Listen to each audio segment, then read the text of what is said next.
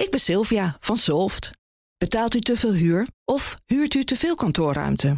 Solft heeft de oplossing. Van werkplekadvies, huuronderhandeling tot een verbouwing, wij ontzorgen u. Kijk voor al onze diensten op soft.nl.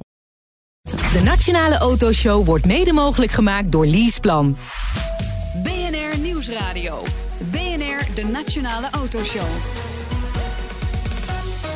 Meindert en Wouter. Opnieuw zijn er meer doden gevallen in het verkeer. Wat doet een verkeersongeval met je leven? Het antwoord op die vraag krijgen we zo van iemand die helaas ervaringsdeskundig is. Welkom een uur lang alles over auto's, mobiliteit en verkeersveiligheid hier op BNR. Meepraten doe je natuurlijk via Twitter, het BNR Autoshow. Straks in deel 2 een auto voor iedereen. Wat voor auto's heb ik het dan over? Wouter? Volksauto's. Ja. Volkswagen. Hè? Mogen, ja, dat is dan weer merknaam, hè? Dat, is goed gedaan. Dat hebben ze Ja. slim gedaan, die Duitsers. Maar eh, historicus en autogek Maarten van Rossum vertelt over zijn fascinatie voor die volksauto's zoals de Kever en de Deux Chevaux. Hebben wij vroeger gehad. Ja, wat leuk voor je. Ja, dat is mooi. Mooie dagen eh, draaiden we dat dakje Ja. open. Ja, ja dat is Dan wel lekker leuk. naar het strand of het zwembad. Ja. Verkeersveiligheid van die auto. ja, daar kun je over discussiëren.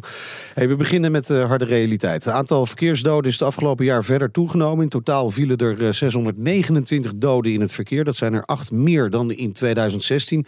En daarmee is de dalende trend van de jaren ervoor echt wel ten einde. Wouter, voor ons was dat de reden om eens dieper in dit onderwerp te duiken met een ervaringsdeskundige. Ja, weet je, kijk, wij zijn natuurlijk eh, de, de, de petrolheads op de radio. Dus eh, eh, per definitie houden wij natuurlijk van snelle auto's. Misschien ook wel van een beetje snelheid en van, van genieten van het autorijden. Maar er is ook een zwarte kant aan de autorijden, kan er zijn. En wat me opviel eigenlijk in... We hebben een aantal uitzendingen gehad met verkeers, VVN en SWOF en de verkeersofficier. En toen dacht ik, ja jongens, jullie zien allemaal aankomen dat er meer doden vallen. En Dus dat het zeg maar niet beter wordt met de verkeersveiligheid. En niemand kwam met een oplossing. En nou is er niet een oplossing als in van nou we gaan nooit meer eh, vervelende dingen op, eh, eh, in het wegverkeer meemaken.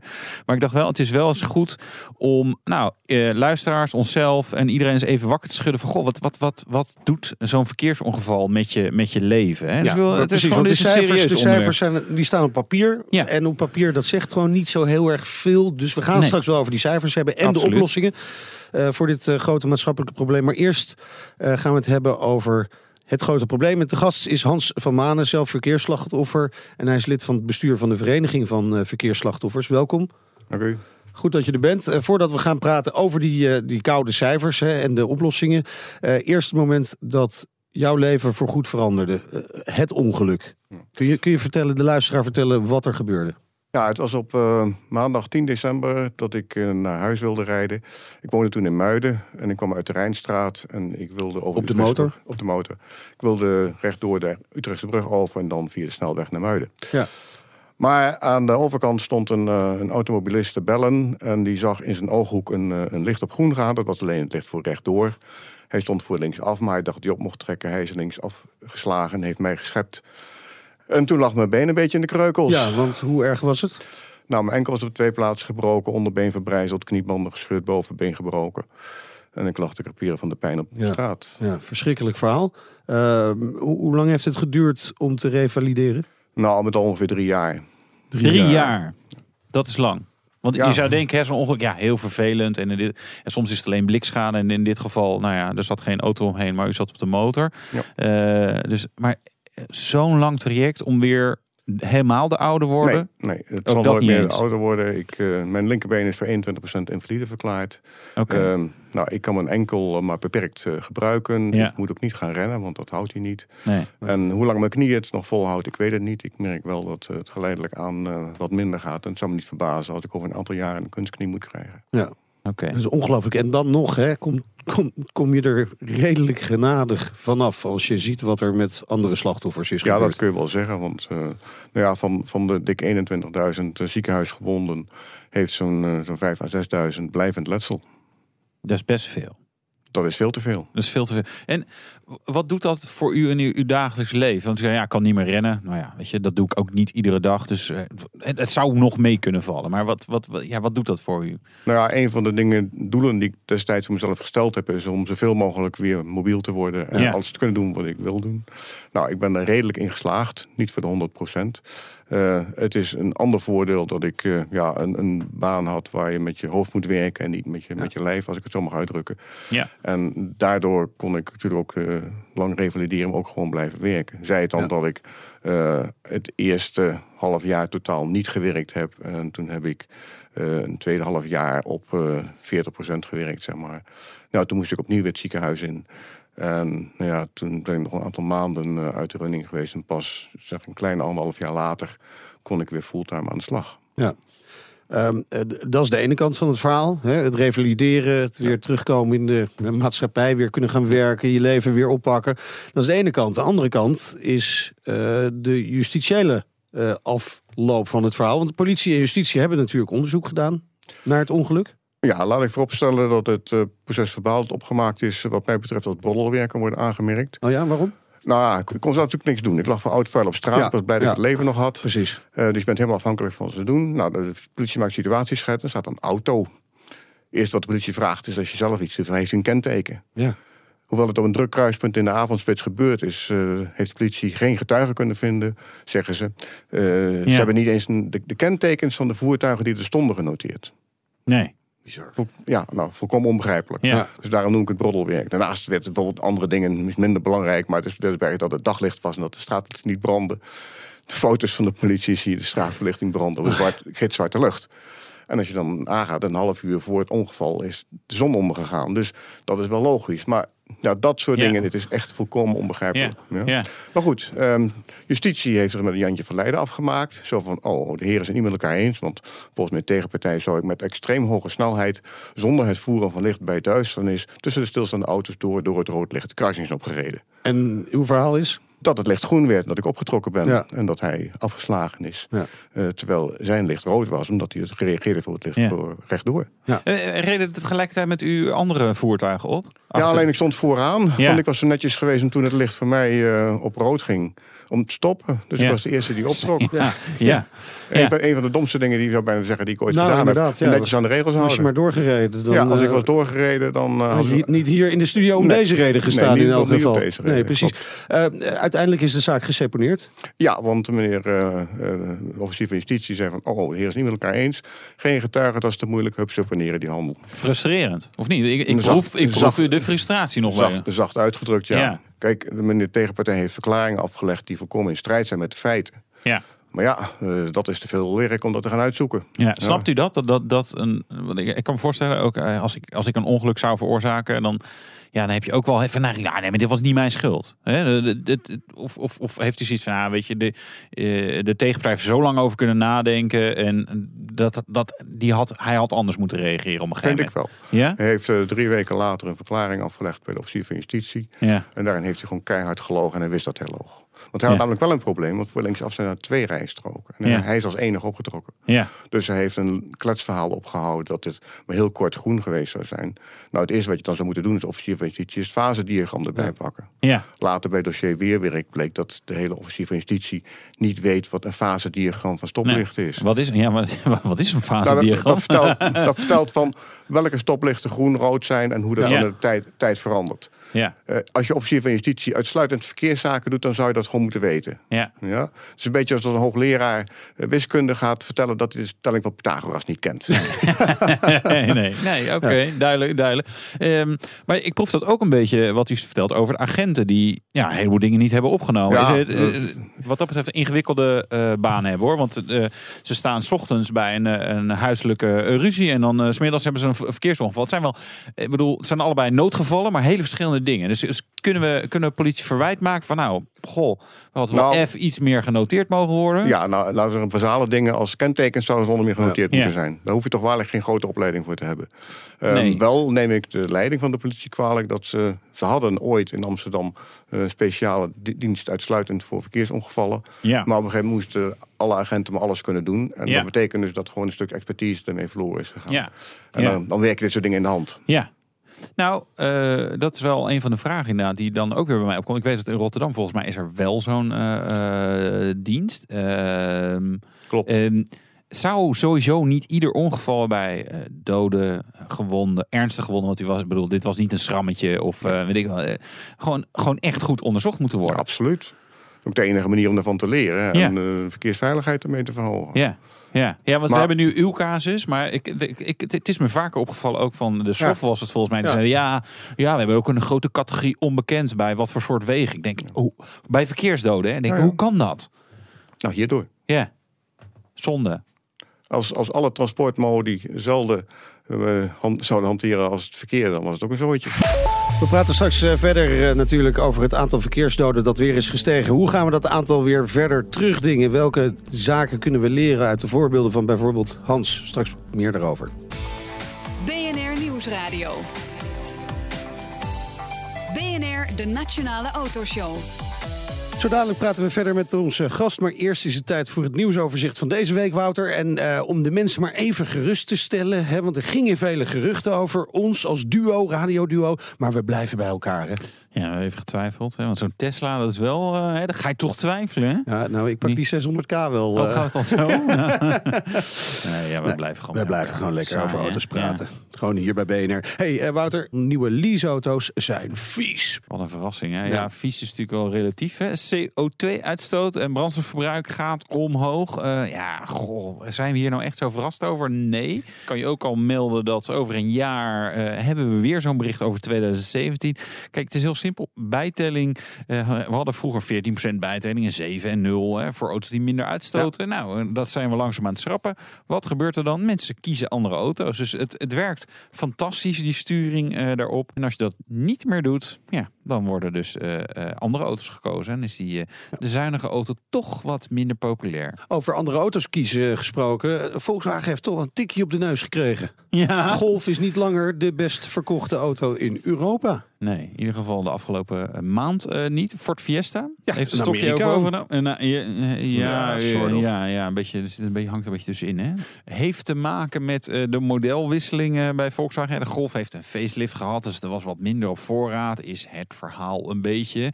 Dus konden ook gewoon geen auto's meer worden uitgeleverd. Er gaat nu wel weer komen. Aan de andere kant, Ford is natuurlijk ook, komt ook met een nieuwe Fiesta. Dus misschien ja, gooit dat toch gewoon wel weer wat route in het eten voor Ford. En in Nederland geen van beide topscorers, maar iets Frans. Renault. Clio. Dan Max Verstappen. Nou, ik was het geduld. saai hè, vorige week. Oh man. Jeetje, ja. Nee, toen wist ik weer even waar- waar- waarom je ook in slaap kan vallen tijdens een Formule 1 race. Dan rijdt hij daar in het midden. En er gebeurde verder eigenlijk ook helemaal niks tijdens die race. Dan heb je even halverwege een pitstop. Zo van, oh nou, nu gaat het spannend worden. Oh nee, toch niet. Nou, en op naar het einde. Eh, maar goed, daar hadden we het niet over. Eh, de update van de Renault motor. Dat gaat nog even duren. Niet de Grand Prix van Canada. Maar pas in juli. Eh, dus niet in juni. Eh, Waarom dan? ja, nog niet betrouwbaar genoeg. Eh, het, het, het wordt daarmee wel een eh, lastig seizoen eh, voor Max. Ik denk dat hij ja, heel blij mag zijn als hij vijfde, zesde, zevende wordt. En heel misschien als het een keer regent of er veel mensen uitvallen of iets anders gek gebeuren, dat, dat hij wat plekjes hoger komt. Maar ja, dat is niet zo heel Ja. spannend om naar te kijken. Nee, Toch? Nee. Vind je van wel? nee. BNR Nieuwsradio. BNR, de Nationale Autoshow. Meindert en Wouter. We praten verder met eh, Hans van Manen. Hij is zelf verkeersslachtoffer en bestuurslid van de vereniging Verkeersslachtoffers. De reden is eh, om met eh, u te, praten is natuurlijk het feit dat het aantal verkeersslachtoffers doden opnieuw is gestegen. We hebben net uw verhaal gehoord en hoe moeilijk dat ging met justitie bijvoorbeeld. Uiteindelijk heeft die hele de civiele zaak is er gekomen. Heeft vijf jaar geduurd. Uiteindelijk heeft u wel een schadevergoeding gekregen. Nou, omdat er dus een, eh, zo, ik ben dus eh, een van de 94% van de gevallen waarbij er geen vervolging door justitie wordt ingesteld. Dus maar in 6%, 94 procent van de in 6% gevallen. maar wel, in 94% dus niet. Betekent dat er dus ook geen duidelijkheid komt over de schuldvraag en daarmee over de aansprakelijkheid. Ja. Blijft de slachtoffer alleen over om een civiele procedure te starten. Ik heb dat uiteindelijk gedaan na eh, goede begeleiding van slachtofferhulp en op advies van een goede kennis van me. Dan ben je vijf jaar aan het procederen alleen al over de schuldvraag. En ik kan het niet anders omschrijven als een kermis. En dat doe ik natuurlijk nog zeer diplomatiek. Ja. Het je, uiteindelijk had het in 10 seconden klaar kunnen zijn. Want de hele kermis kwam neer op de vraag van meneer Van Maan... heeft u directe getuige van het ongeval? Ja, wordt u in het gelijk gesteld? Nee, wordt u in het ongelijk gesteld? Daar ben je vijf jaar over bezig. Had ik de mazzel, of geluk bij een ongeluk kun je zeggen... dat het op een druk kruispunt in de avondspits in Ja. Amsterdam gebeurd is. Dus na drie oproepen in de krant heb ik inderdaad nog een getuige gevonden... die mevrouw heeft verklaard dat ik de groen ben gereden... en daarmee viel de bodem onder het verhaal van meneer tegenpartij. Want mijn groen is zijn rood. Heel simpel. Maar daar ben je dan vijf jaar over Ja. bezig. Alleen maar om een luchtkasteel op te tuigen. Om de indruk te wekken dat het allemaal zo zorgvuldig gebeurt. Nou, dat is het dus totaal niet. Nee. Maar je moet me vol kunnen houden. Ja. Zowel Ja. lichamelijk, Ja, ja, psychisch als, als qua inkomen. Ja. Ja. Want realiseer je wel dat als je dus door een, een, een, een ongeval waar arbeidsongeschikt raakt, dus na een aantal jaren de via op, dan kom je in de bijstand terecht. De bijstand kent de vermogentoets. Mag je eerst alles wat je in je werkzame leven hebt opgebouwd, Ja. om de rest van je leven op minimumniveau door te brengen, dan word je is aangedaan. Keurig volgens de regels, ik zet er tegenwoordig tussen aanhalingstekens, het Nederlandse recht. Ja. Ja. Die, die schadevergoeding, heeft hij ook enige voldoening gegeven? Nou, de erkenning als slachtoffer was Ja, meer voldoening. oké, dat is het belangrijkste. Want, want het zijn de meest zuur verdiende centen uit mijn Ja, leven. nee, Ja. precies. Ja, en het zijn ook geen eh, miljoenen zoals het in Amerika nee, zijn. bepaaldelijk niet. Je, Nee. je kunt eh, de letselschades in Nederland best kwalificeren als fooien. Ja, Ik kan een zo klein, erg? Een klein voorbeeld noemen. Toen de tijd eh, kwam er een rechtsbijstand met een aantal voorbeelden van vergelijkbare, of enigszins vergelijkbare vonnissen. Eh, er was iemand die was een, onder zijn knie zijn, zijn been kwijt. Maar aan één kant hoor. Nou, Ja. En dat vond de rechtbank in Den Bosch wel 3700 euro waard. Oh ja. Ja. Hoe, hoeveel eh, eh, mensen hebben hier last van? Heel veel. Want ja, als je dus geen, eh, geen duidelijkheid hebt over de aansprakelijkheid... ja, dan kun je zelf achteraan. Dan moet je maar zien of je centen En, en, krijgt. en dan heeft dat te maken met het feit dat justitie maar 6% in 6% van de gevallen eh, eh, vervolging instelt? Ja, want dan, als een zaak wordt geseponeerd of er komt geen uitspraak... ja, dan is de aansprakelijkheid eh, niet van volgens Nederlandse wetgeving... als slachtoffer geen slachtoffer... zolang er geen aansprakelijke partij is. Ik merk dat u er nog steeds heel erg mee bezig bent. Ja, ik ben er dan uiteindelijk nog redelijk uitgekomen. Ja. Ja, maar tussen wil, grote haken zou ik wel willen zeggen. maar maar- ik, ik wil er in ieder geval mijn best doen Ja. om te proberen de situatie te, te verbeteren. Dat is ook een van de speerpunten van de vereniging. De positie van slachtoffers gewoon een stuk verbeteren. Ja. Want is Vereniging van verkeersslachtoffers. En wa- wat moet daarvoor gebeuren om het beter te krijgen? Nou, allereerst zal de wetgeving moeten worden aangepast. Want die is nu ronduit slachtoffervijandig. Je bent als slachtoffer de sterke partij. Jij moet maar aantonen. ja. De, de ander mag net zoveel onzin verkondigen als hij wil. Oké. En jij moet maar aantonen. la- la- la- laten we even beginnen bij eh, het moment dat er een ongeluk gebeurt. Hè. We willen het natuurlijk het liefst voorkomen. Daar gaan we het zo ook wel over hebben. Maar stel dat er een ongeluk gebeurt. Ik krijg bijvoorbeeld de vraag via Twitter van Paul de Ruiter binnen. Was er geen VOA, een verkeersongevallenanalyse van de politie ter plaatse gekomen? Nou, kennelijk niet. Of die was buitengewoon matig. Wat er in het proces verbaal staat, daar is heel veel kritiek Ja. op mogelijk. Maar zou dit standaard moeten zijn? Gewoon bij elk ongeluk? fe- nou ja, zeker als er sprake is van, eh, van doden of gewonden, Ja. absoluut. Oké, dat is één. We gaan bij elk ongeluk waar een dode of een gewonde is gevallen... zo'n verkeersongevallenanalyse instellen. Ja. Dat is één. Wat, eh, wat nog meer? Nou, de wetgeving moet worden aangepast. De positie van het slachtoffer moet gewoon worden versterkt. Waarom Ja. moet een, een slachtoffer alles aantonen en mag Ja. de veroorzaker net zoveel liegen zonder dat het enige consequenties heeft? Want de tegenpartij heeft drie keer zijn verhaal op essentiële punten moeten aanpassen en dat heeft geen enkele invloed gehad. Uiteindelijk is het hele vonnis gebaseerd geweest op één getuigenverklaring. Ja. Geen getuige, geen bewijs. Het is een zot voor woorden. Nou, die situatie moet En verbeteren. die situatie is nog steeds het geval dus. In feite wel. in, in veel We eh, lopen ook al jaren te roepen dat er moet veel meer gebruik worden gemaakt van technisch bewijs. Ik, ik had een aantal zeer cruciale punten wat betreft technisch bewijs. Ja, meneer Van Manen, wat denkt u? Waarom denkt u dat we recht, rechten zijn gaan studeren? Die natuurkunde van u is veel te moeilijk. Dat snappen we niet, dus is het geen bewijs. Ja, wordt ook niet zo gezegd, maar daar kwam het wel op neer. ja. Ja, Als we nu eens even een stapje maken naar de huidige cijfers. Hè? Want Ja. er- die zijn naar buiten gekomen. Hè? Het, het aantal verkeersdoden, 629 in 2016. Kleine stijging weer. Nou ja, kleine stijging, maar wel. Het is, de trend gaat de verkeerde kant op. U heeft die cijfers ook bekeken. Is Ja. er iets wat u opvalt? Nou, in de eerste plaats wil ik de opmerking maken dat ik denk dat er onderrapportage in zit. In de eerste plaats is het zo dat als je niet binnen 30 dagen na het ongeval overlijdt bij geen verkeersslachtoffer. Oké. Een collega van mij heeft op een gegeven moment 6,5 maand na het ongeval in coma gelegen. En is dus formeel geen verkeersdoden. Nee. En is wel dood.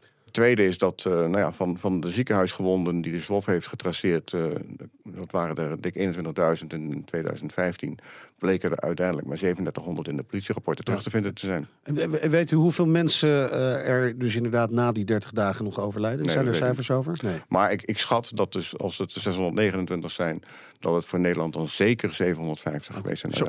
Dat is fors meer nog. Ja, want eh, ja, met, met op zich een gelukkig een goede gezondheidszorg eh, kan van heel veel slachtoffers nog. Ja, men probeert ze zo lang mogelijk in leven te houden in de Ja. hoop dat het nog herstelt. Maar ja, dan betekent toch dat er daarna nog weer de nodige overlijden. Ja. Maar hoe zouden we dat soort dingen dan weer moeten voorkomen? Want die registratie is dus ook weer niet ideaal om Nee. maar understatement te gebruiken. nee. Je zou eigenlijk gewoon eh, standaard na, bij ieder ongeval waarbij ook gewonden vallen, navraag moeten doen na een bepaalde tijd van hoe, hoe is het verder gegaan. Ja, Ja? Ja. Maar dat gebeurt vaak genoeg niet. nee. En dan zet je dus weer dat met de registratie van de politie en van ziekenhuizen, dat Ja. allemaal weer anders is. Eigenlijk moet veel, veel zou van de politiek moeten komen. Hè? Die moeten Ja. de, de, de wet veranderen, moeten regels instellen, eh, zaken aanpassen, misschien aan de infrastructuur. Nou is er eh, de afgelopen jaren iets veranderd aan de infrastructuur. Maar ja, in die zin, we mogen tegenwoordig 130 rijden op veel eh, wegdelen, op de snelwegen. Ja, is, dat dat een, eh, is dat een misser geweest? Ja, absoluut. In de eerste plaats was het voor nodig. Ja, als je van Groningen naar Maastricht rijdt en je kunt 120 continu rijden of 130, dat maakt wel een kwartier verschil. Nou, Ja. nou, nou, nou, nou. Is het dat allemaal waard? Ik betwijfel het ten eerste. In de tweede plaats creëer je met een W grotere snelheidsverschillen. En als iets gevaarlijk is, dan is het juist snelheidsverschillen. Als iedereen met 100 zou rijden, heb je een hele veilige situatie. Maar als de een 90 rijdt en de ander rijdt 130 en die denkt dat ik ook wel 140 mag, ja, Ja. dan krijg je 50 kilometer snelheidsverschil. Ja. En dat creëert gevaarlijke situaties. Ja, daardoor is ook het aantal eh, doden op de snelwegen toegenomen sinds het invoeren. En in de tweede plaats, ik vind dus ook, en dat stond laatst in de krant, dat het aantal files door ongevallen op de snelwegen was toegenomen. Ja, weet gek. Je, je creëert gevaarlijke situaties. Dat heeft altijd ongevallen tot gevolg. Dat is gevolg dat uiteindelijk de, de tijdwinst waarschijnlijk negatief is, Ja. overall. Ja, sta- die statistiek vind ik lastiger om eh, eh, met u mee te gaan. Omdat economie trekt ook weer aan. Dus het is sowieso drukker geworden op de Ja. weg. Dus ja, eh, dan krijg je meer ongevallen, krijg je meer files. Dat, dat werkt ook op elkaar in. Er zijn heel veel trajecten waar je niet eens 130 haalt. Waar je het wel mag in overdag. Dus ja. Nee, maar als u een vraag van... Is het nou zo zinvol, die hele 140? Nou, het is alleen Nee, een, ja. de, de Nee, geweest. oké, maar, maar we, we proberen natuurlijk te zoeken naar eh, oplossingen die ervoor gaan zorgen dat eh, de verkeersveiligheid vergroot wordt. Hè. En dit zou er één kunnen zijn. Er zijn er ongetwijfeld eh, meer. En die doelstelling van het kabinet is eh, het aantal verkeersdoden 500 in 2020. Uiteraard zou dat eigenlijk nul moeten zijn. Maar ja, goed, dat is niet reëel waarschijnlijk. Is het nog een haalbare doelstelling? Absoluut niet. Maar goed, dat hebben we ook al een aantal jaren geleden gezegd. Tenzij we op hele korte termijn een aantal hele drastische maatregelen nemen, zal het niet gehaald worden. Oké, we hebben En nog twee minuten. ja moeten daar even- komen de drastische maatregelen. Ja, kom maar op. Intelligente snelheidsbegrenzers voor alle motorvoertuigen. Ja. Het eh alcoholsloten, rijbewijssloten. ehm, het uitlezen van event data recorders bij alle ongevallen waarbij dood of gewonden te betreuren zijn. Ja. En smartphone blokkades voor mensen die bewegen. Meer, er is een app dat als je meer dan 15 kilometer eh, per uur gaat, dan wordt het ding gewoon geblokkeerd. Ja. Maar ja, dan kan je ook weer zeggen, ik ben een passagier. En dan kan je gewoon lekker gezellig eh, Ehm, aan de gang. je kunt natuurlijk altijd zeggen van er zijn dingen om onderuit te komen. Ja. Maar als we deze niet invoeren, dan zullen we het niet halen. En denk even dat is de, het aantal eh, slachtoffers in het ziekenhuis was, mag niet meer zijn dan 10.500. We zitten op ruim het dubbele. Ja. En ook daar zit een stijgende trend in. Dit wordt niks tenzij we dit soort dingen gaan doen. En het dit- is bestaande technologie. Hè? Het, is, het hoeft niets te worden ingevoerd, uitgevonden. Het wordt alleen een kwestie van invoeren. Het zijn wel draconische maatregelen. Waarom? Ook, ook mm, omdat het heel veel vrijheden wegneemt. Welke vrijheid? Ja, nou, eh, De vrijheid, de vrijheid om volkomen snel- onnodig... Nou, te- mag ik een voorbeeld geven? U had het net over, als iedereen 100 rijdt, dan is dat minder gevaarlijk. Dat is niet helemaal waar. Want er zijn echt, ik heb meer talloze situaties meegemaakt op gebieden waar je 100 mag rijden, waar iedereen 100, waar het levensgevaarlijk is omdat mensen ergens even hun auto tussendoor praten. Dan kan het heel veilig zijn dat je even gas kunt geven. En dan dus over die 100 heen kunt gaan. Die situaties zijn er ook. En Ja. als je alles beperkt op die 100 km per uur, automatisch, dan kun je dat dus ook niet meer doen. Nou, dat is niet helemaal Dan waar. kun je alleen nog maar op je rem gaan staan. Nee, wat dat- heel gevaarlijk kan zijn. Dat is niet helemaal waar. Eh, het punt is dat zo'n intelligente snelheidsbegrenzer... die limiteert de tijd dat je eroverheen kunt gaan. Betekent dat je Ja, ja, wel heel, even Oké. Sneller kunt Kijk. voor dit soort situaties, Ja, ja, oké. maar niet permanent. Ik wil eh, in ieder geval eh, u hartelijk bedanken voor de komst naar de studio om eh, uw verhaal te vertellen. Want ik denk dat dat heel erg belangrijk is. Mensen zich realiseren wat er kan gebeuren als ze niet veilig in de auto rijden. En inderdaad bellen in de auto met je smartphone spelen. Het is gewoon verschrikkelijk. Moeten mensen echt mee stoppen. En eh, zeker in bepaalde kom, eh, let op je snelheid volgens mij. Hans van Manen, kills. Hans van Manen, zelf verkeersslachtoffer en bestuurslid van de vereniging Verkeersslachtoffers. En zometeen. Eh, Maarten van Rossum eh, over zijn liefde voor Volkswagens. Daarmee bedoelen we niet het merk, maar nou ja, een auto voor het volk. Ja, de kever bijvoorbeeld. Eh, ja, de kever. En we Ja. gingen rijden in een product van die Jij ging Volkswagen groep. rijden. Ja, ik ging de rijden. Skoda Kodiaq. Oh, dat was weer een feest. hè? Ja? Nee. De Nationale Autoshow wordt mede mogelijk gemaakt door Leaseplan. BNR Nieuwsradio. BNR, de Nationale Autoshow. Meindert en Wouter. Vroeger, Wouter, vroeger was alles beter. Zeker op het gebied van auto's, toch? nee, volgens mij niet. Maar eh, toen werden er misschien, alhoewel ik er ook een discussie over hebben, wel meer ouderwetse Ja, volksauto's Dat denk ik gemaakt. sowieso wel.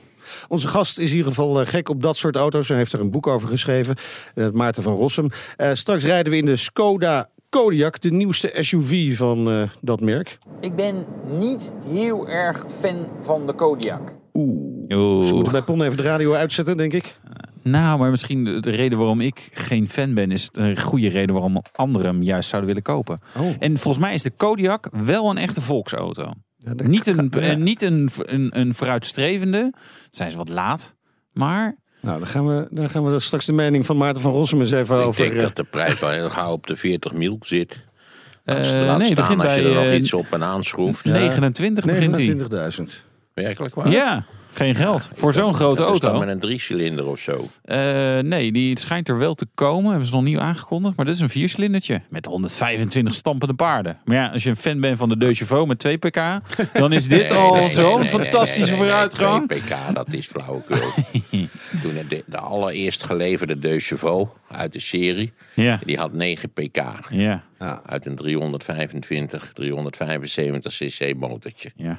Dat is niet veel, Nee. Nee. maar daar kun je mee rijden. Top zal rond de 80 liggen. Je moet terugschakelen als er tegenwind is. Maar dat, het is maar net wat je behoeften zijn. Dat Ja. is Als absoluut je waar. namelijk switcht van een Solex naar een Deux Chevaux, Ja, dat is een dan enorme is dat wereld, een eh, enorme stap. Ja. Daarna zijn Ja. geen stappen meer Ja. van dergelijke Nee. afmetingen te doen.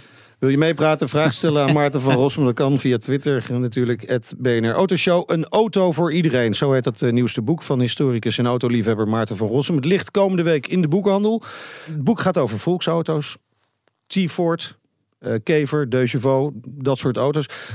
Wat is er zo mooi aan die volksauto's? Dat ze zeer specifiek ontworpen zijn om A, van goede kwaliteit te zijn, Ja. zodat ze een tijdje mee kunnen in principe. Ja. Eh, dat ze niet te duur zijn en dus bereikbaar voor een zo groot mogelijke groep uit de bevolking. En daarvoor moet je eigenlijk de hele geschiedenis van de verspreiding van de auto, die moet je opknippen in verschillende fases.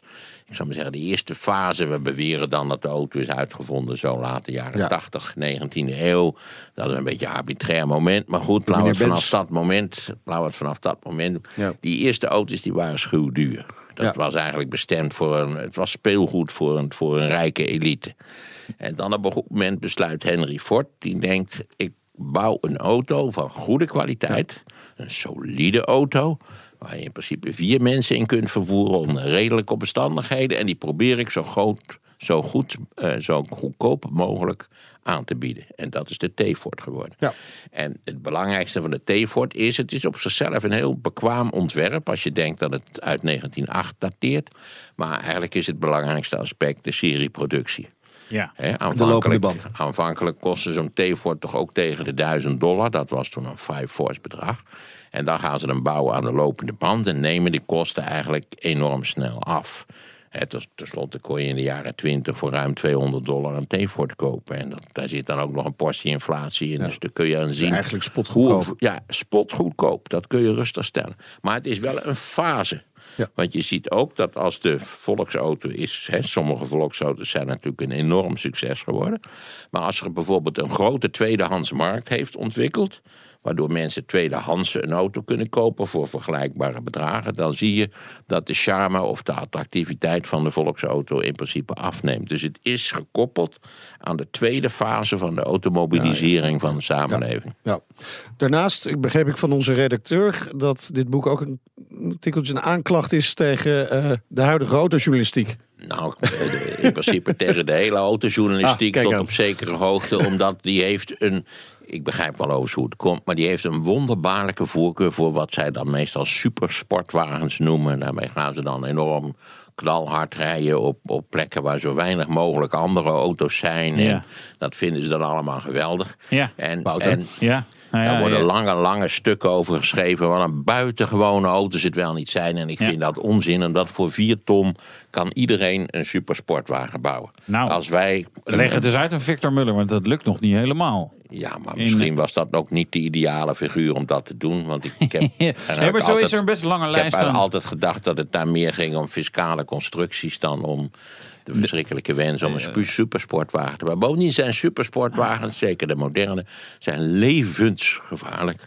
Omdat ze veel te veel pk's hebben. Ja, je kun- je maar dat door- maakt het ook wel weer leuk. Nee, dat is levensgevaarlijk. Ja, maar Jullie dat is- hebben net een heel gesprek staan Ja, voeren. dat klopt. Wat Ja, ik buiten ik- ik kon afluisteren over verkeersongelukken. Ja. En, en geloof maar van mij dat eh, ook een BMW uit de 5-serie met 465 pk... dat is pure levensgevaarlijke flauwekul. Dat moet je ook niet willen hebben. Hè, dan moet je, kijk, die auto's waar je mee rijdt dagelijks... Als jij zo'n ding wil hebben voor de openbare weg... dan ben je al per, per definitie een gevaar op de openbare weg. Maar, maar toch Ja, even Dan moet je de. Nürburgring af Ja. gaan huren. En dan Ja. kun je dan lekker eh, Ja. snelle rondjes draaien. Eh, En dan hoop ik maar dat het goed afloopt en dat je een beetje training hebt genoten. Er is op YouTube trouwens voor liefhebbers Ja. veel interessant materiaal voorhanden Ja. van mensen die niet de rijvaardigheid hebben om zo'n zogenaamde. Ja. supersportwagen te Maar, maar als we bereiden. dan toch zo'n 5-serie is wel een interessante auto. Hè? Want eh, even, je kunt hem ook met wat minder pk krijgen natuurlijk. En er zitten wel vaak eh, moderne technologie in die later terugkomt in juist de beter betaalbare auto's. Ja, daar geloof ik dat is eh, gewoon pure kletspraat naar mijn idee. Nou ja, feitelijk zo dat, De vraag dat die is of dat die technologie is die je nodig hebt. Het is veel en veel moeilijker Nou ja. om voor, laten we zeggen, 20.000 euro... een comfortabele, Ja. solide auto te bouwen... waarmee een gezin van vier personen goed vervoerd kan worden. Ja. En waarmee je in principe, weet ik het, misschien 15 of 20 jaar eh, uit de voeten kunt. Het klassieke voorbeeld, waarschijnlijk de simpelste golf van dit moment... die zal zo'n 21.000 euro doen ongeveer...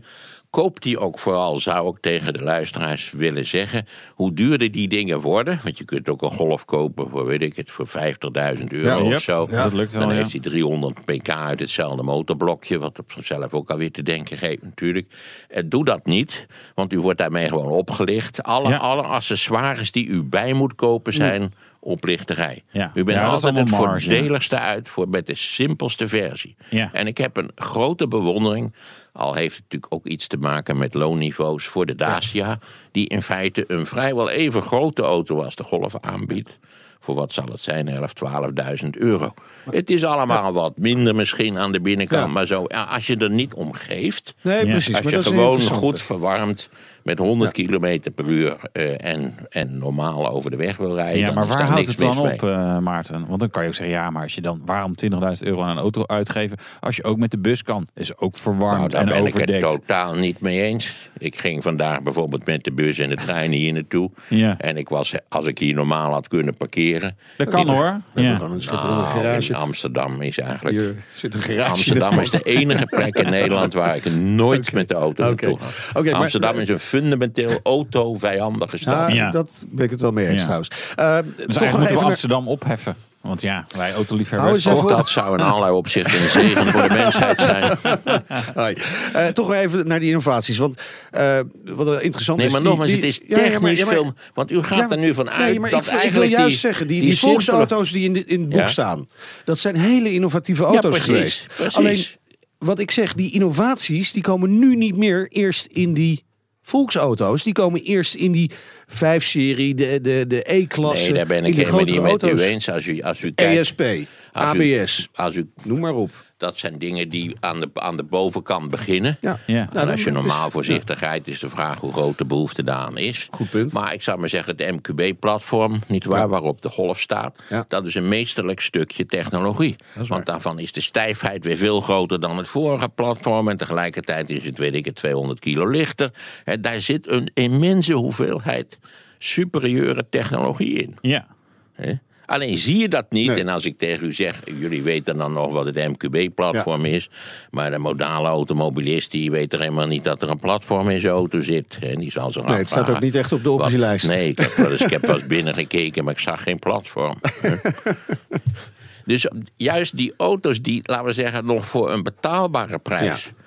relatief hoge kwaliteit moeten bieden... Ja. zijn technologisch in het algemeen zeer geavanceerd. Ja. Wat, wat is de volksauto van nu dan? Jullie zei wel de Golf, De, maar... de volksauto van nu is de tweedehandsmarkt. Maar Ja? als je nieuw zou willen kopen, dan zou ik zeggen: doe zo'n zo'n zo'n drie-cilinder golf. Ja? Ik denk dat je daar eigenlijk heel goed mee bediend bent. Ja, nou, maar goed. Eh, ja, maar zijn, is ook, niet, eh, zijn het niet die SUV's, de betaalbare SUV's? We hebben het straks over de Skoda nee, ik vind SUV's, dat is flauwekul. Ja, maar iedereen wil het. En het is nu betaalbaar geworden. Maar dat zou begon zeggen dat- natuurlijk dat bij de Range uits- Rover. De en- uitspraak iedereen wil het, geeft al aan dat het waarschijnlijk flauwekul is. ja, Hè? Wat iedereen wil, is zelden verstandig. ja, maar een Golf is Wat de best moet, je met, verkochte wat auto. moet je met een eh, vierwieler Nou, even- aangedreven even- auto? even historisch weer die opnemen daar voor nooit Wouter. voor gebruikt wordt. Even voor opnemen voor Wouter. Hè. De, de, de, de, de volksauto's zoals eh, de Kever, de T-Ford, de, de de Fiat 500, om er maar eentje te noemen. Leuk Die zorgden er ook om allemaal voor dat, een, luxe, een luxe product dat eigenlijk niet bereikbaar was voor het gewone volk, wel bereikbaar Ja, werd. dat is de hele SU kern van de zaak. SUV's waren eh, een paar jaar geleden niet bereikbaar voor het gewone volk. Nu, nu door die Skodiak is dat wel zo. Skodiak noem ik hem, die. Kodiak. Is dat wel het Worden geval? jullie daar goed voor betaald om daar reclame voor Nee, te was maken? dat maar bepaald zo, niet. ja. Nee, Ik nee. zou zeggen, als je dan toch een Skoda wil kopen, Ja. koop dan een Octavia. Maar die, die, die niet optimaal, die, laten we zeggen, ook, die kun je ook met een drie-cilinder Ja, kopen. ja, ja. Ja. En daar heb je een uitstekend, ook op het MQB-platform. En Daar heb je voor MQB een relatief Wie wordt er nou prijs. betaald? U krijgt een MQB. De, de, de ontwikkelaar die, die gireert straks Nou, nog wat, ik eh, ben, wat ik ben wel een, doen. eh, bewonderaar van het Volkswagen-concern. Ja. We zien even af van de, van de dieselproblemen. Ja, ja. Maar, maar technologisch zijn dat lui die toch in principe alles uit de kast halen. Als je dat vergelijkt met de Amerikaanse auto-industrie... dan is natuurlijk de, de Europese auto-industrie in allerlei opzichten... technologisch veel geavanceerder. Zometeen duiken we verder in de geschiedenis van de volksauto. Gaan we het ook heel even over DAF hebben. Was dat een Nederlandse volksauto of toch niet? En we rijden dus in die... Skodiak. BNR Nieuwsradio. BNR, de Nationale Autoshow. We gaan rijden. De rijimpressie. Ja, de beer is los. Dan weer die Kodiak. Is wel de Kodiak-middag. Ja, eh, Maarten van Rossum kan niet wachten. Met smart te wachten op eh, de rijimpressie van de Skoda Kodiak. En Wouter die mocht ermee eh, op pad. Ja, dat is een diepe zucht, hè? Ik vind dit namelijk een moeilijke auto. Aan de ene kant is het geen slechte auto. Ook niet briljant overigens, maar daar komen we zo weer op. En het is ook zeker niet mijn ding. Ik zal eerst eens even uitleggen waarom het nou, op zich wel een goede auto is. Hij is de ruimste SUV in zijn klas. Hij heeft ook echt gigantische kofferruimte. Zeker als de banken plat gaan, dan is het helemaal belachelijk groot. Echt bestelbusachtige waarde. Onthoud dat woord bestelbus, daar kom ik zo nog even op terug. Op de achterbank ook echt veel ruimte. En, en tegelijkertijd is het vooral veel voor weinig. En dat zie je dan toch terug in sommige details. Maar ook daar kom ik later weer op terug. Maar het is vooral niet mijn stijl auto. Ik hou van nou ja, premium auto's. There are finer things in life. Dat je denkt, oh, hier is lekker over nagedacht. Oh, dit ziet er mooi uit. Of oh, wat gaaf afgewerkt. Hè. Zeg maar typisch wat Audi, BMW, Mercedes. En nou ja, Lexus, Rolls-Royce, Bentley, dat soort merken doen. Porsche kan ook wat van. Volvo trouwens ook. Dat soort merken waar je echt denkt van... Oh man, mooi afgewerkt. Helemaal prima. Betaal misschien iets te veel. Maar het is wel echt precies goed.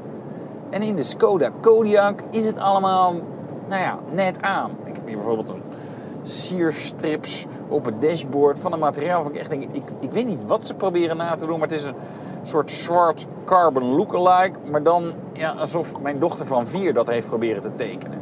Het is niet heel erg mooi.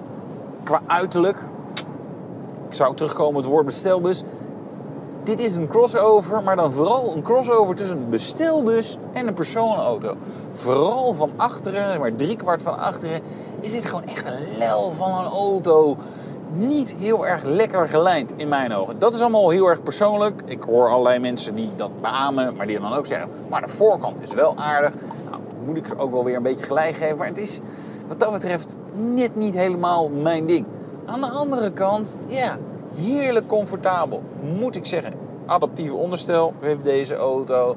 Als ik hem dan in de comfortstand zet, wat deze auto heel erg bij mij oproept. Van zet alles maar lekker in soft en slushy. Want dan is het het beste. Ja, dan heb je wel van die hobbels, die merk je niet eens. Hij strijkt het allemaal glad alsof hij een Citroën probeert te zijn. Dat is me overigens bij de Skoda Superb ook al opgevallen dat Skoda lekker de comfortkant op gaat. Dat doen ze wat dat betreft wel goed. Dit is de 2 liter TDI met 190 pk en een DSG-bak. En denk je, 190 pk, nou die Wouter die heeft echt een superdag. Echt knallen. Nou, nee, dat dan weer niet. Dit is niet heel erg veel voor deze auto. Het is oké. Uh, en dat doet me een beetje vrezen voor de overige versies. Die ook nou ja, soms maar 125 pk uit een benzinemotortje hebben. Als je dan bedenkt dat de Kodiak ook als 7-zitter verkrijgbaar is... dan zouden er dus 7 personen plus bagage en door een 125 pk bromtorretje voort worden gestuurd. Dat houdt niet heel erg over. Dus ja, ik ben niet heel erg fan van de Kodiak. En tegelijkertijd kan ik me voorstellen dat je dat hier toch op uitkomt. Stel, je hebt twee grote puberzonen en je wil graag kamperen iedere zomer. Dan kan ik me voorstellen dat je je vrouw jou gaat overtuigen dat je deze auto moet hebben. En dat was de Skoda Kodiak. Weer. Ja. Die versnellingsbak. Ja, deze word je niet gelukkig van. Nee, hetzelfde als in de Audi Q5. En eh, die- dat schakelt gewoon te vroeg op. En het is allemaal net een beetje traag. Ik denk, doe mij gewoon een reguliere automaat. Dat werkt gewoon veel beter voor dit soort auto's. Komen we bij het eindoordeel. Dit is de beste Astra ooit. Oeh. Oeh, Volksauto. Die zijn wel goed tegenwoordig Ja, trouwens. als, nee, daarom. Dus misschien moeten we deze promo opnieuw inspreken. Nee, ik, weet je, ik, het, ik, het is echt wel een best wel goede auto. Alleen ik vind er echt oprecht zo niks aan. Nee. Nee, het is dan niks dan is het bijna een volksauto. Als jij er niks aan vindt. Ja, daar, ja, dat is, ja, dat is wel waar. Nee, het, het heeft eigenlijk alles wat ik niet zoek in een auto. Ik wil iets sportiever, iets, iets, eh, mag wel iets lager, eh, mag, mag wel mooi afgewerkt zijn. Ik zie Maart Ros een gruwel over dit soort termen. Maar eh, nee, dat vind, dat vind ik fijn. Daar word ik blij van. Iedere gek zijn gebrek. Ja, we praten met eh, Maarten van Rossum, historicus, autoliefhebber, schreef het boek Een auto voor iedereen. Het boek gaat over de geschiedenis van de volksauto. Begon bij de T-Ford, Ja. natuurlijk. Eh, De belangrijkste auto in de geschiedenis? Ja, Kunnen we dat ja, zo zeggen? Dat T-Ford, eh, het, het was op zichzelf een, een, een, een goed ontwerp, maar een betrekkelijk simpel ontwerp. Niet, niet iets heel erg speciaals of bijzonders zoals ooit de Deux Chevaux zou zijn. Maar het is in combinatie natuurlijk met de productietechniek. Ja. Hè, met de lopende ontwikkeling van de lopende band. Oh, Dat is overigens ook een gefaseerd proces. Het is niet Ja, dat ze ineens van het een naar het ander zijn overgestapt. Dat begrijp je ook wel. Dat is natuurlijk een heel ingewikkelde zaak. Maar als je dat combineert, dan is de T-Ford zonder meer de belangrijkste auto uit de geschiedenis van de auto. Ja. En daarna? De kever dan toch? Ja, omdat die natuurlijk qua productieaantallen, de kever is, laten we dat niet vergeten, doorgeproduceerd in Mexico tot het jaar eh, 2003. En eigenlijk pas, dat is eigenlijk pas gestopt omdat de Mexicaanse regering toen een merkwaardig besluit heeft genomen dat taxis meer dan twee deuren moesten hebben. Dat taxis vier deuren moesten hebben. En eigenlijk werd de, werd de VW-productie in Mexico in leven gehouden door, door de taxichauffeurs. Het is namelijk een enorm solide autootje. Maar ja, het is wel een tweedeurs. Ja. hè. Niet heel handig voor een taxi. Nee, dat is niet handig voor een taxi. Ja. Dat vond kennelijk de Mexicaanse regering ook. En vandaar dat toen, toen is de kever gesneuveld. Ja. U, Toen waren er, eh, Ja. ik geloof, 22 miljoen ja, gemaakt of echt zo. veel. Heel En dan veel, zie ik ja. nog af van de transporters en allerlei andere Ja. dingen die daar nog bij hangen natuurlijk. Ja, ja. Toen was Kijk, zelf vind ik vanuit het puur rationeel objectieve analyse van het ontwerp is de Deux Chevaux zonder meer eh, de beste en de, ook de aardigste volksauto. Ja. Eh, daar, Echt is echt, daar is echt gedacht, wat is het absolute minimum wat noodzakelijk is. Ja. En als je de eerste prototypes ziet, dat, is- dan zie je dat er nog een subminimum is. Maar dat, daar hebben ze ook na 45 ja, maar, hebben ze maar daarvan één koplamp afgezien. en zo hadden ze in Ja, precies. Ja. Dat was wel leuk Ja. om te zien Ja. natuurlijk. Maar dat oh, ze hebben, dat, joh, ik ze hebben het ontwerp nog eens een keer helemaal door de machine gehaald. En toen is onze, Ja. ons bekende Deux Chevaux Ja, ontstaan. ja, maar ik kan me nog wel herinneren dat eeuwige gesjook met dat ding. Het waren belazerde starters, laten we daar zo eerlijk ja. mogelijk over zijn. De zegen van de moderne automobiel. Nou. Dat je daarin gaat zitten onder alle denkbare klimatologische omstandigheden. En je drukt op een knop en hij doet het. Ja. En als je denkt dan aan mijn AMI 8, want ik heb jarenlang een AMI-8 gehad. Daar was de vraag of die het de zou Super doen. Eend? Die Ja, de Super ja. Eend. Het was altijd zeer Ook wel raar, toch? Gelukkig heb Je ik, bent- gelukkig je- heb je ik hebt een een jaar in hele- Duitsland gewoond. En Heel had je- betoog voor, voor je moet de, de basisversie kopen van een Golf en dan koop je zelf een Super Eend. Dat is toch ook raar? Eh, nou, kijk, toen was ook... Of het is dit uw, had, het eendrijden Ja. en met name Franse auto's had nog een extra culturele dimensie. ja, Dat je, dat je ging niet in een Duitse garage. auto rijden. Oh. Als, als ik met een Duitse auto bij mijn vader voor was gekomen... dan had hij waarschijnlijk door de brievenbus, brievenbus gezegd... donder maar weer op, Ja. tot je een normale en fatsoenlijke auto hebt. Ja. Dat speelde wel een rol toch, hoe gek dat ook mogen klinken achteraf gezien. Althans, bij ons speelde dat wel een rol. Maar dan, dan, was een DAF nog een logische keuze geweest. Gewoon eigen product Ja. kopen, Nederlands. Ik, ik had het eh, boek ook laten lezen aan een deskundige om te zien of het technisch het allemaal een beetje door, eh, door, door de beugel kon. En die zei: Ik vind wel dat je erg weinig belangstelling hebt getoond voor de DAF. En Ja. Dat is waar naar mijn idee. Maar natuurlijk, als je denkt dat de DAF, geloof ik, over 12 jaar geproduceerd is. en en tenslotte iets van 800.000 exemplaren heeft, heeft geproduceerd. Ja. dan is dat natuurlijk relatief weinig. Dat, is, dat staat in de verste verte niet in de categorie die ik Volkswagen heb genoemd.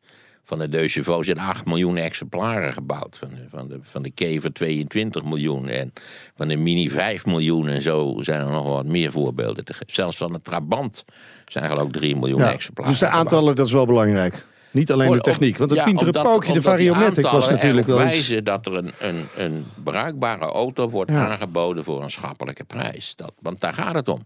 Ja. En want wie is, de, de, wie is de bedenker van de Volkswagen Kever? In feite Adolf Hitler. En die houdt zich er zeer gedetailleerd mee Ja. bezig. En die, met name ook ten aanzien van de, van de prijs is die hartstikke streng. Dus Ferdinand Porsche komt met een ontwerp en zegt... ja, daar gaat eh, 1200 Rijksmark komen. Ze zeggen, nou, er is sprake van. Hè, 900, dat is het. Niet, in ieder geval niet over de 1000. En, en tenslotte is die ook de eerste eh, gebouwde Volkswagens, nog, nog in, in de late jaren 30. Die werden voor 900 Rijksmark, als ik het wel heb, via een spaarplan aangeboden. En daar maakte, eh, daar maakte men verlies op. Ja. Dus de productiekosten lagen wel ietsje hoger.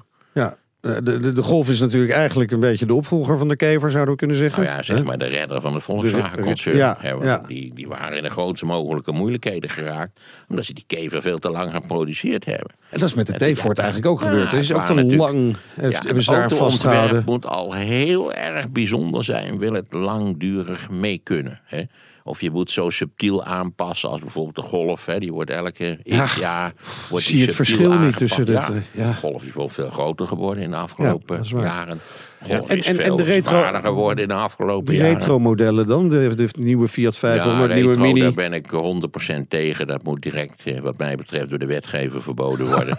ik vind het een aanfluiting van de oorspronkelijke originaliteit. Hè.